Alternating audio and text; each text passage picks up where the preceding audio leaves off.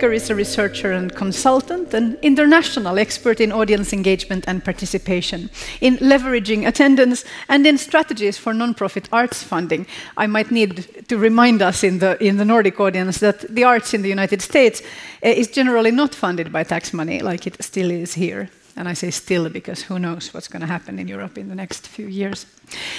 He has worked with a number of high profile institutions and lived on both of the US coasts, but last year he moved to Detroit, where an exciting cultural renaissance is taking place.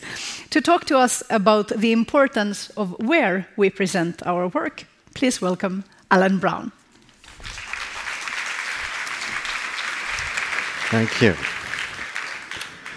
Thank you so much. Uh, good afternoon. I hope you had a good lunch.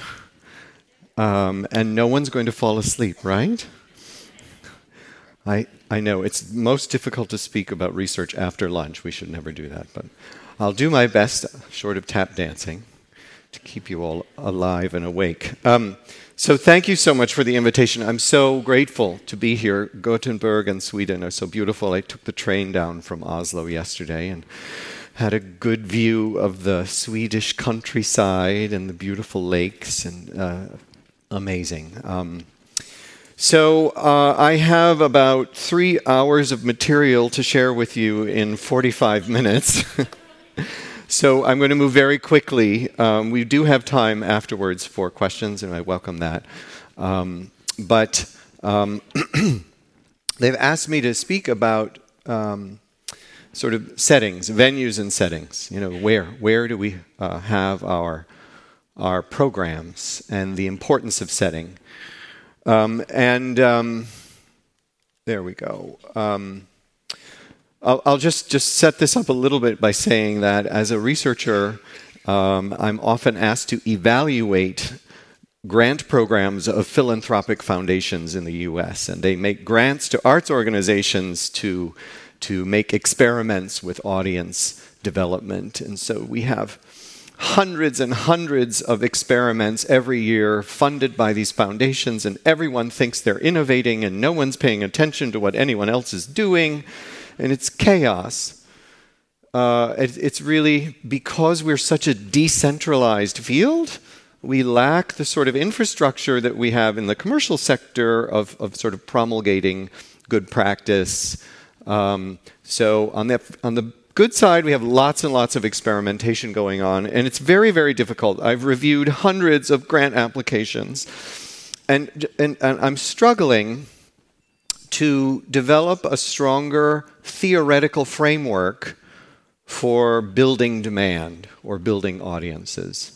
Uh, we can look at all the practices. Many of you are experimenting with audience development programs and initiatives, from pricing initiatives to audience education, engagement, to trying different kinds of programs.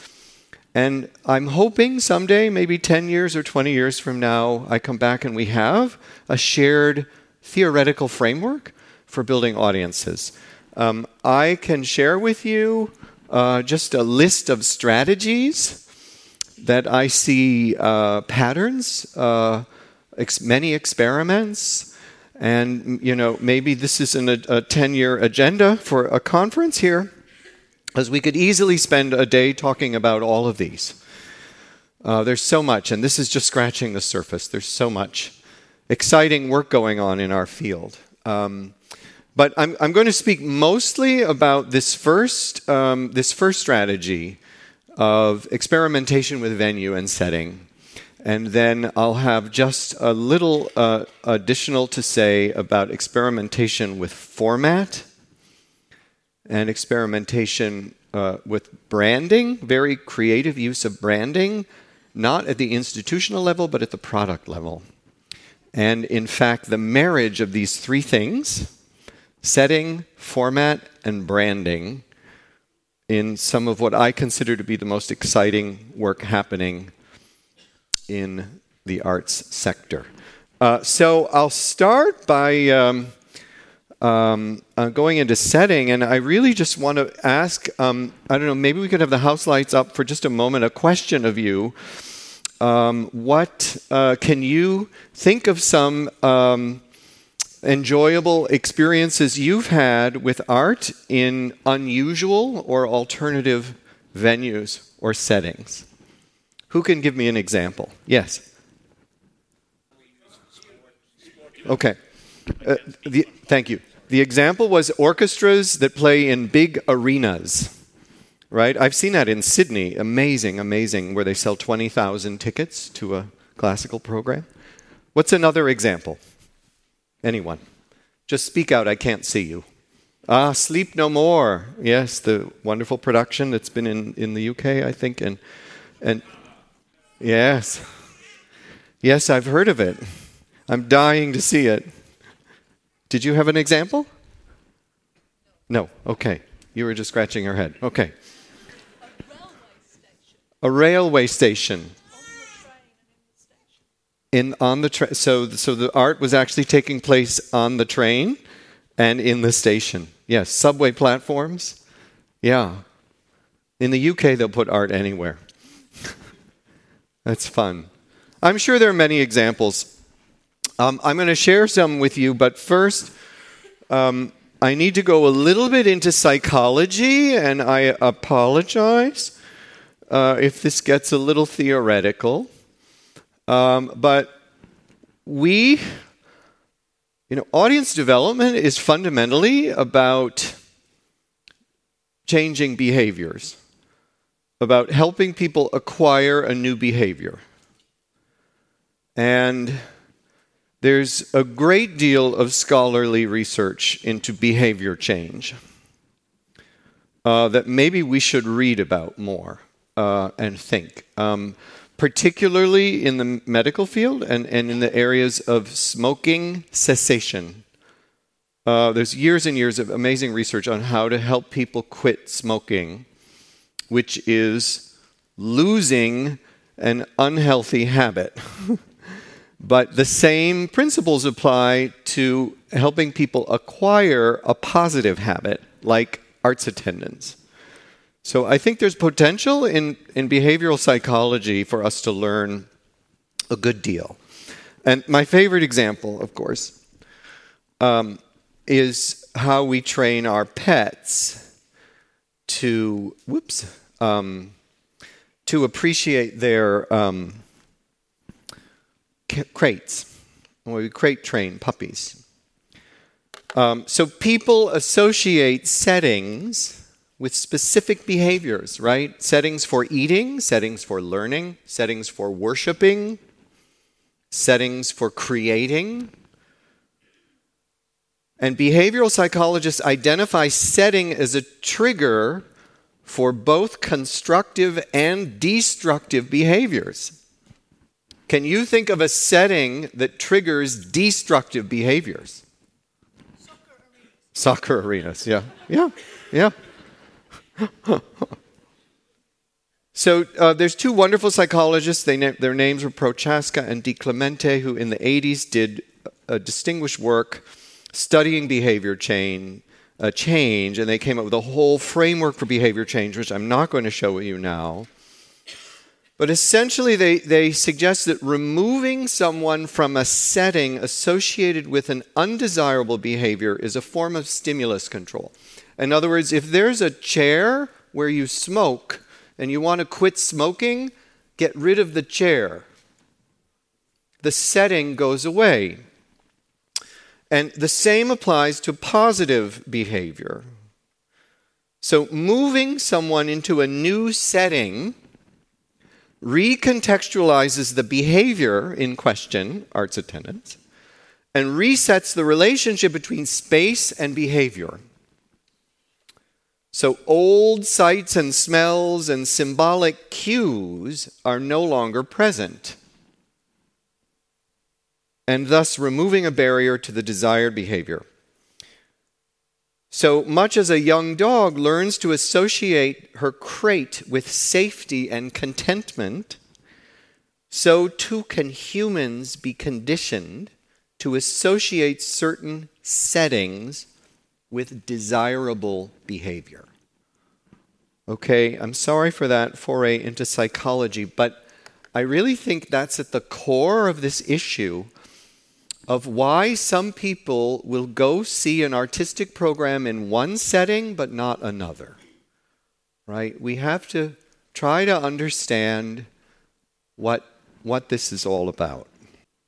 So, what does research say about venues and settings? I have just a few um, things to share, a few graphs and charts. Whoops, here. Uh, this was a study of Californians in the inland regions away from the big cities. We knocked on doors asking people all sorts of questions about their participation, and we asked them where they experience music, dance, and theater activities. And this is a graph showing settings for music activities, and we've uh, cross tabulated this by race. So you see here, let me see if I have, oh, I do. Um, so I love this. The home is the number one setting for experiencing music. Of course it is. And I just love this. The automobile is the second most familiar setting for experiencing music. I love saying this to orchestras. They don't know whether to shit or go blind. Right? It's like if you're an orchestra, you need to be relevant to people in their cars and because that's where they're listening to music. Theaters are closed. So look at um, settings for a place of worship as a setting for experiencing music was much higher for African Americans than it was for white and Hispanic respondents. Places of worship. Uh, not terribly surprising given the, the long, rich history of praise music in black churches, but settings take on cultural meanings also that we must be very sensitive to. Here was a study of jazz audiences. We asked them, where do you prefer to experience jazz? In clubs or lounges with small tables? In parks or outdoor settings? In restaurants with menus? In formal concert halls with chandeliers in the lobby? With grungy dive bars with sticky floors?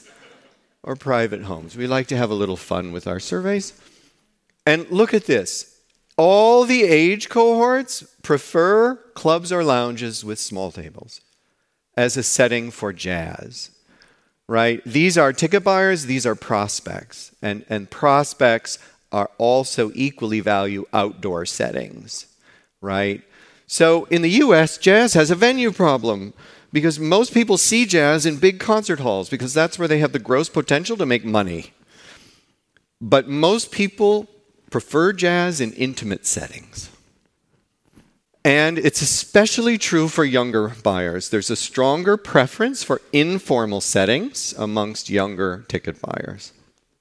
There's so, uh, a lot of questions there. Why is this true? Why do younger people prefer less settings? I love um, the examples Heather gave earlier. Um, so, you know, people have preferences for spaces. People attach symbolic meaning to spaces. And you know, you all can do research and talk to people about how they feel about different kinds of spaces. My, one of my favorite research techniques is called an experiential tour.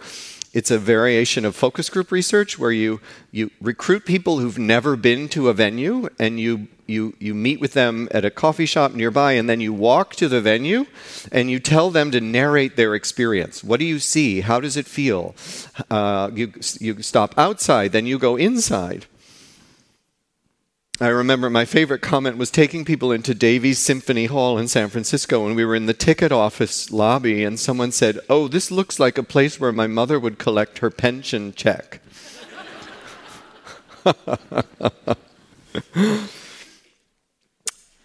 what are the symbolic meanings attached to this space? What kinds of behaviors are expected?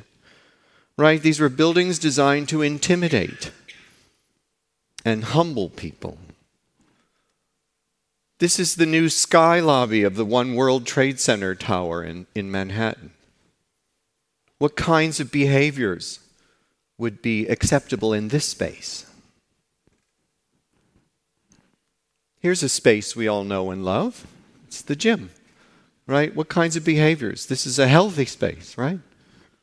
A lot of people listen to a lot of music in, uh, in gyms. So I just ask you to think about the spaces you have and think about some of the spaces in your community that you might animate with art and what symbolic meaning your community gives to those spaces and how you might animate those spaces with art. Okay, uh, some examples uh, uh, unusual marriages of art and space. Uh, and these are just some pretty pictures for post lunch viewing. Um, I just love this photograph. It's a contemporary music ensemble playing, maybe you know what it is, uh, the music of Steve Reich in a transit museum in Krakow with some pretty intense ambient lighting. All right, that's kind of fun. Uh, American Repertory Theater has a second venue space in Boston. It's called Oberon, and they have a show that's been very, very popular. It's called The Donkey Show, and it's uh, a program that intentionally blurs the line between theater and clubbing. Uh, so it's it's actually it's inspired by Midsummer's Night's Dream, and at the end of the show, you have a DJ playing disco music and people are dancing. Oh, how I wish I could have seen this. This was a, an opera performance in the Hayden Planetarium at the American Museum of Natural History in New York City of an obscure Haydn opera, Il Mondo della Luna. I mean, who fig- you know? So it's it's topical. The, the, the venue is relates to the the play. It's an opera buffa, right? It's a comedy. Uh, and this incredible setting, you know, only 200 people under the planetarium, and they used all the projection capabilities. Wow. Uh, there's a movement, international classical revolution, is uh, young musicians uh, wanting to take control of their performance uh, opportunities and self presenting themselves in intimate spaces like restaurants and coffee shops and clubs called Classical Revolution. And this is a photograph from the Revolution Cafe in San Francisco. And it's, it's just a, a, a wonderful example of taking art and putting it in a familiar community space and uh, attracting a different audience. Chamber music in historic settings. I'm sure you have a lot of this here and in Europe. Uh, in fact, there's an organization in Los Angeles called Da Camera that exclusively presents chamber music concerts in historic venues, uh, such as this. This is a private home, um, and they even present chamber music. I think on the um, the RMS Queen Mary, which is docked in Long Beach. Uh, one of the great experiences of my life was attending a Paul Winter consort concert at Cathedral of St. John the Divine in New York City, which is the largest cathedral in the U.S. It's a solstice concert, so the starting time is 4 a.m. Right? That's a format innovation. We're going to talk about that in a second. And they do ambient lighting, and you can't get in. It's, it's, it's completely full an hour before the program starts. Uh, marvelous, marvelous setting. And probably the most exciting venue in the US right now is the Park Avenue Armory on Park Avenue in New York. Uh, armories, do you have those here? This is big, big spaces for old military equipment that are no longer needed um, because we have cyber warfare now, right? Um, but these magnificent structures, which are being repurposed sometimes for the arts, uh, and what's going on in this space is just incredible. Um, you get a sense of the enormity of this space, and, and I know many famous British producers have brought work in here. They built actually a replica of the old Globe Theatre inside this space. Is it a theater within a theater? And they do a lot of site specific installation art. Obviously, it, it, it's enormous. The possibilities are incredible. The um, Merce Cunningham Dance Company, when they were on their last tour, they did their final performances in this space, and they had three stages of simultaneous programming. And the audience could walk around the venue and decide what to watch, which I thought was a marvelous, um, marvelous innovation. Okay. Um, I'd like to say a word about this facility. This is in Miami Beach. The New World Center is the home of the New World Symphony, which is a training orchestra.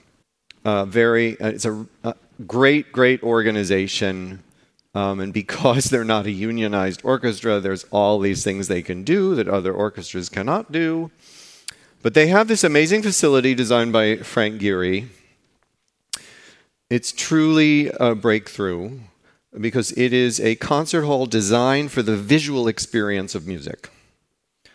And so above the, the, the stage, you have these five enormous convex panels and 13 high definition video projectors uh, which encircle the audience with visual stimuli.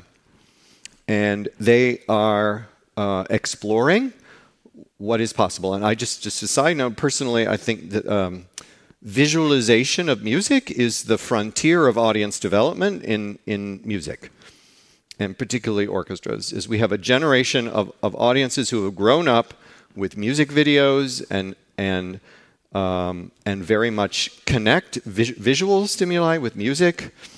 And there are so many amazing possibilities um, with music visualization that we're just discovering. So, uh, I'll speak in a minute about some of the f- uh, interesting formats that this organization produces.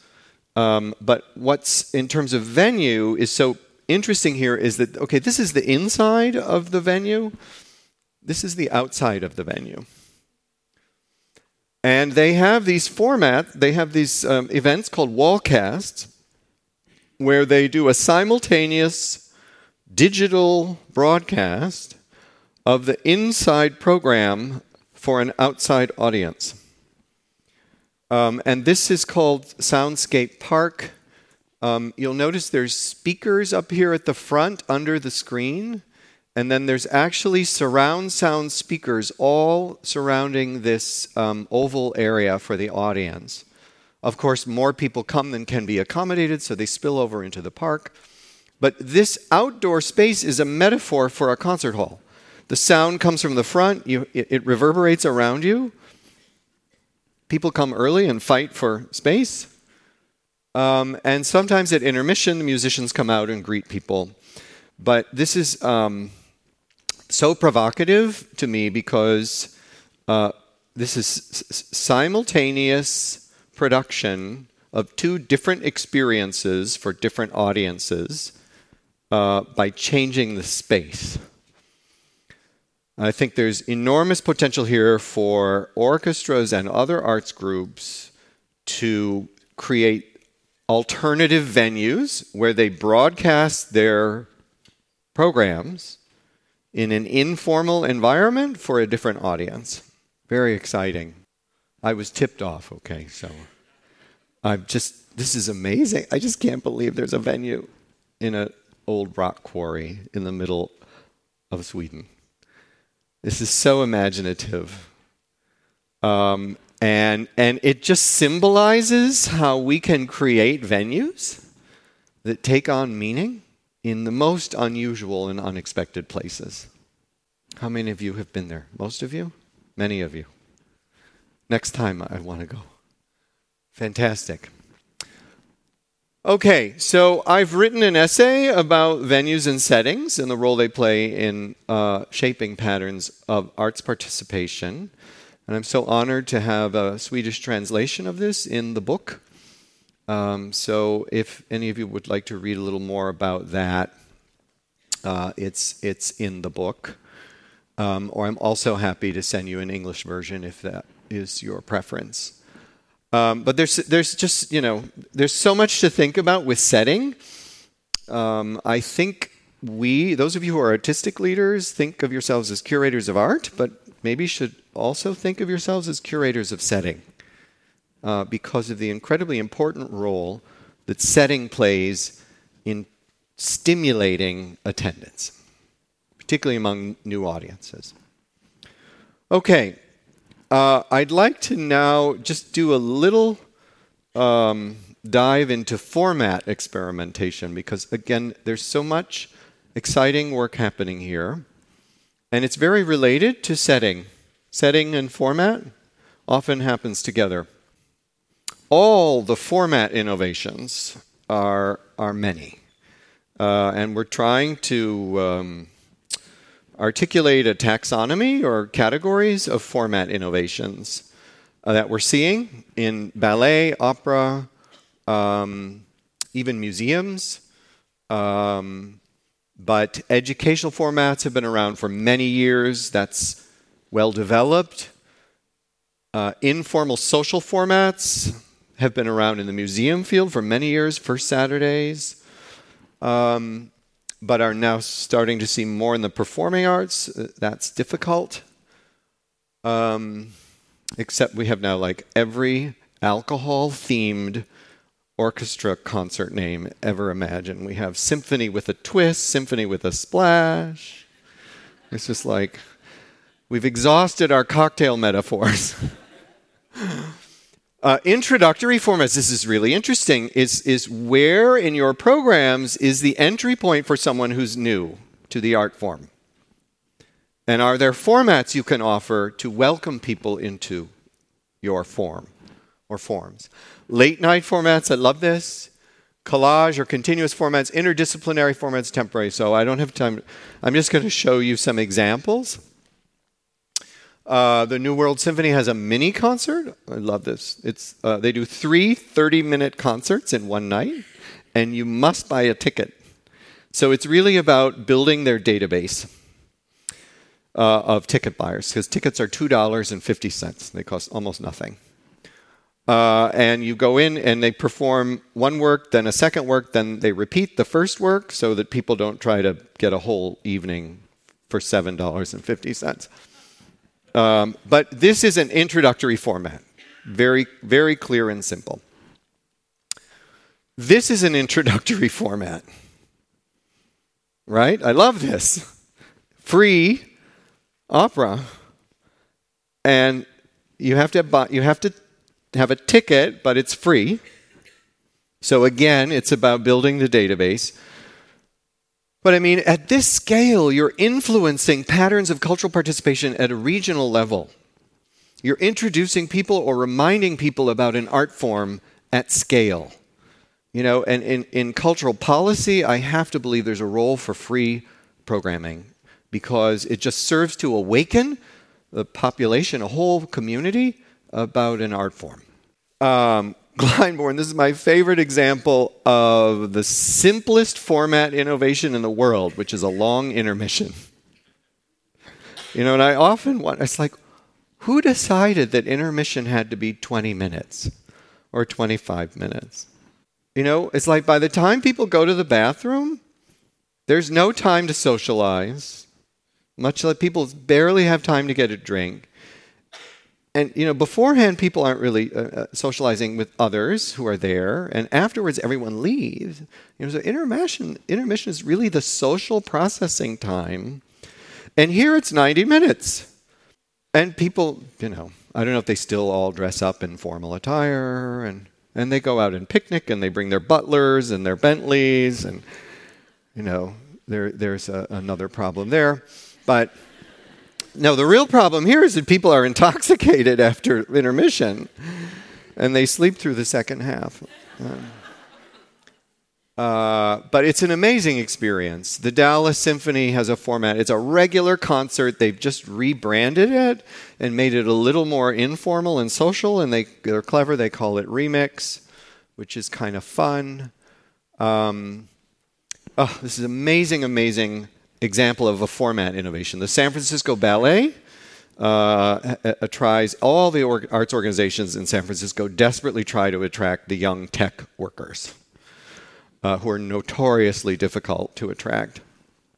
And so they said, okay, let's reformat. So it's a regular Tuesday night at the ballet. It's the same program. They start it at 7:30, so it's a little earlier. They open the venue an hour earlier and do lobby activities, so people come early. They have an MC who welcomes people. This happens to be a Twitter executive, right? So people know who, who this guy is, and they do a live social media feed, sort of like Slido, but with Twitter. And he introduces each piece, um, and it, the average age is 28, and it's packed. And the energy level is so high, it takes 10 minutes. When the lights go down, it takes 10 minutes for people to stop talking. It's amazing. And it's just a different format. The same art in a different format for a different audience. And of course, it's also cleverly branded. Uh, and I don't have time to go into it, but they, they, they don't advertise to the regular audience. They have a separate microsite for this program. And this is what they hope to do, is make ballet cool. Uh, interdisciplinary programming. This is wonderful photograph of the Hubbard Street Dance Company performing in front of the Chagall windows at the Art Institute of Chicago. This is also interdisciplinary. You know, orchestras in Europe are now playing film scores all the time. Yeah, it's a huge thing in the US now. I, I suppose it's interdisciplinary. I went to see the San Francisco Symphony play the Wizard of Oz theme score, which was very colorful in San Francisco. And uh, loads, you know, loads of fun. Uh, I would, you know, is, is this really a format innovation? I don't know. Love this. Seattle Symphony has a program in their lobby. It's a contemporary chamber music. The name of the program is Untitled, and it starts at 10 o'clock. Uh, they can only accommodate four or 500 people. People can walk around. You see people on the, on the balconies. People are drinking, some are sitting, some are standing. Really fun. And this is sort of the original late night format at the New World Symphony. It was called Pulse. And the program is the orchestra playing in sets with a DJ playing electronic dance music. And they actually mix in and out of each other. It's amazing. It's extremely popular. I think tickets are now $40. Um, they only do them twice a year, and they change the program every time, but they keep the brand which is very significant. Um, and they're just um, great photos. So this, you know, people are drinking and talking. Okay, this is half party, half concert. It's not great for musical subtleties, because because the din of talking, right? Uh, but once an evening, once or twice an evening, the conductor turns around to the audience and just waits for people to quiet and then when the room is quiet, he turns around and continues. And then people start talking again, right? But it's it's it's it's when you leave this concert, you don't know if you've been to a party or a concert. It's wonderful. Soundbox, San Francisco Symphony, this is their old rehearsal hall. They blew out the walls and the ceilings and created an alternative performance venue, which they call Soundbox. And they and they have a concert series called Soundbox, which now sells out before the program is announced,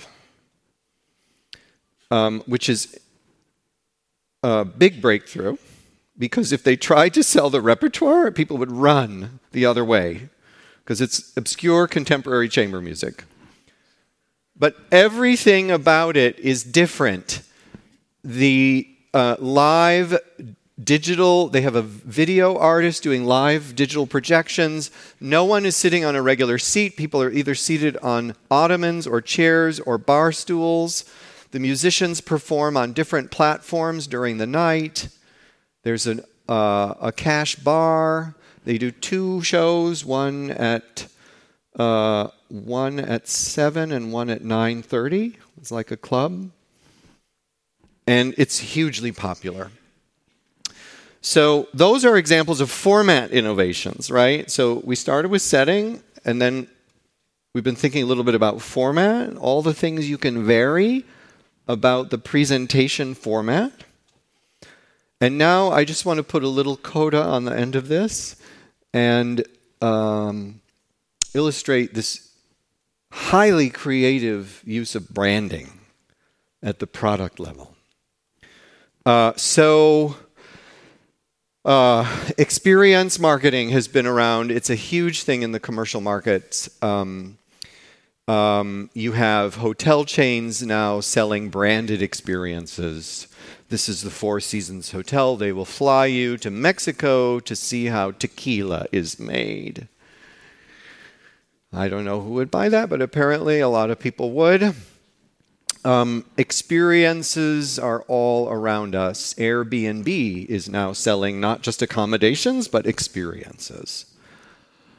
Also, so if you want to go out for drinks with a Parisian, you can pay someone to take you out, I suppose. Um,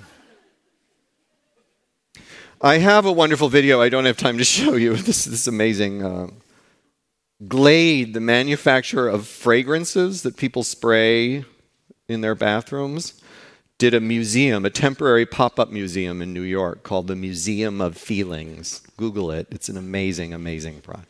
It's like people stood in line for five hours to get into the Glade Museum of Feelings. I kid you not.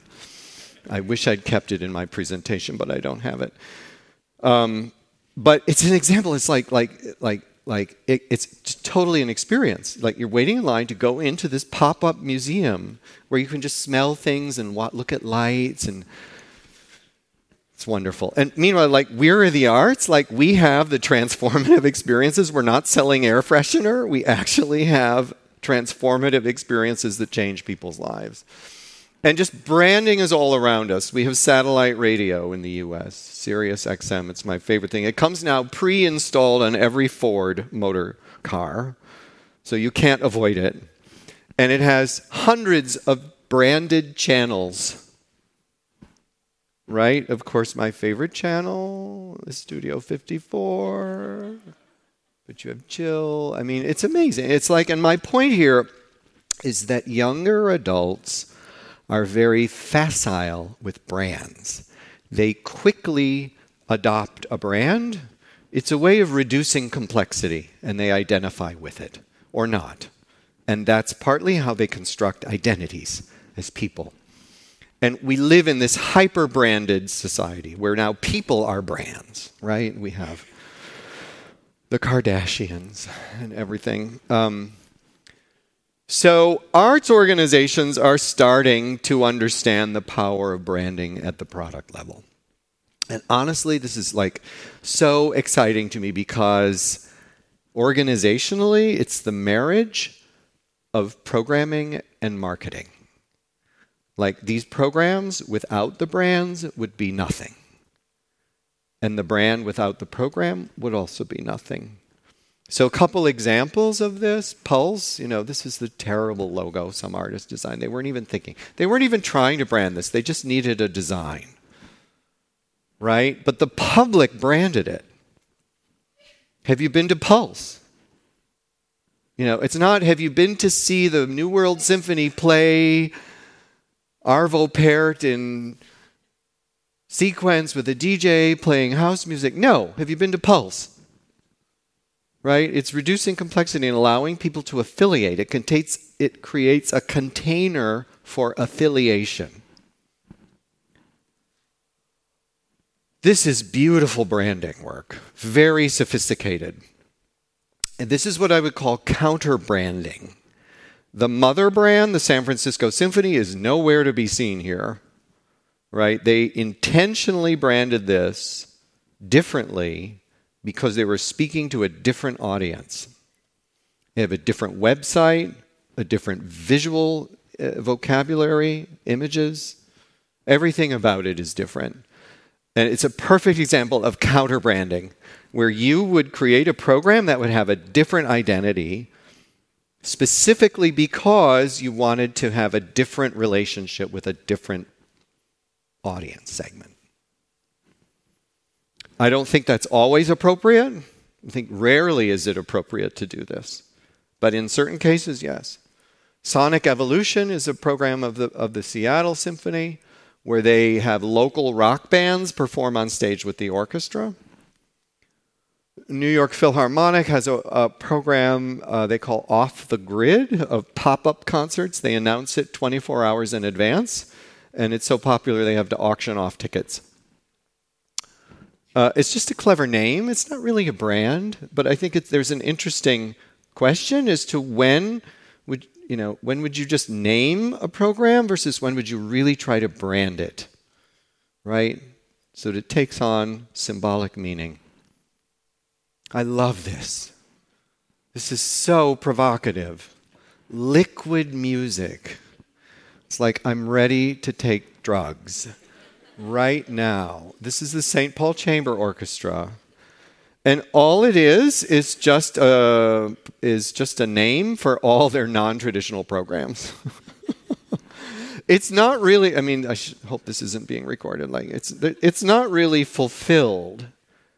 The promise of the brand is not really fulfilled programmatically. Because this is some of the most creative design and branding work I've seen. So it's like, be careful what you imagine, right? Renegade is, is like a hashtag. This is a multidisciplinary presenter in Ann Arbor, Michigan. They're trying to attract people to more adventurous and risky art. So they've created a hashtag called Renegade, and they just use it as a descriptor in their marketing materials. It's not a series, it's not a format, it's just like a hashtag. Which is incredibly frustrating because I've been trying to push them to like make a renegade series, and they say, no, we don't want to do that. Um, but it's it's kind of creative, right? The metaphor here is the caution, like safety tape, right? You'd see around the scene of an accident, right? That's the visual metaphor here of the design. And San Francisco Performance is also a multidisciplinary presenter, has a series they call Pivot. And it's also uh, adventurous artists in unexpected places. And in this case, it's branded consistently with the mother institution. This is their icon of the mother institution. So in this case, the product brand is consistent with the mother brand. Very different than what we saw with Soundbox. Right?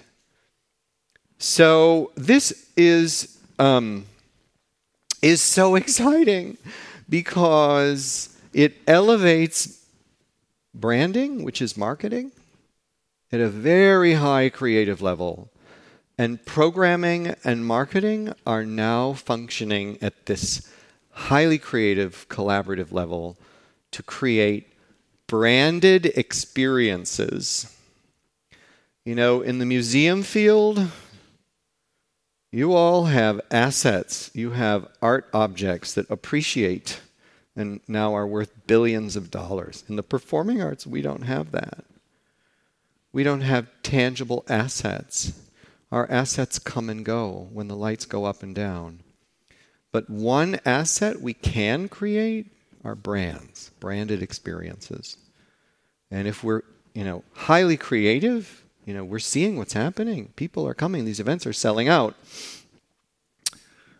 We can exploit our brands creatively and financially over years.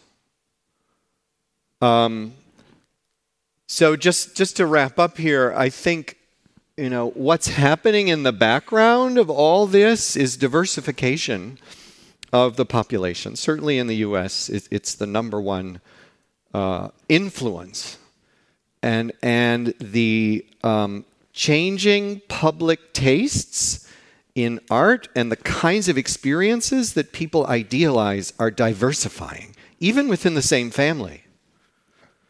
There are generational shifts, but there are also cultural shifts. This is expectation for more intense experiences. It's like this, I'm so fascinated by like public interest in lighting as an art form. It's like whole cities are being lit. Festival, Vivid Sydney. I mean, it's just amazing what's happening uh, with visual stimulation. And hence, this demand for alternative experiences where people will go to see art in one location but not another. You know, and it's challenging us to differentiate our products and to capture the public's imagination in new and different ways. So, just last slide. Um, historically, curating you know, selecting artists and, pro- and, and productions has really come from a curatorial uh, impulse. I'm interested in this artist, I'm interested in this production. But programming can also start uh, with a setting that you choose to animate because it has symbolic meaning or because that setting actually might attract a different audience. Or programming might start with a format and you fill in the art and the setting and uh, with you know around a format because you have a hypothesis that the format will attract a different audience. So I know this is very theoretical, and for those of you who are artistic leaders here, um, bless you. Um, you have difficult work, um, and I hope that maybe some of these examples have fueled your thinking about creative use of setting, format, and branding. Thank you so much.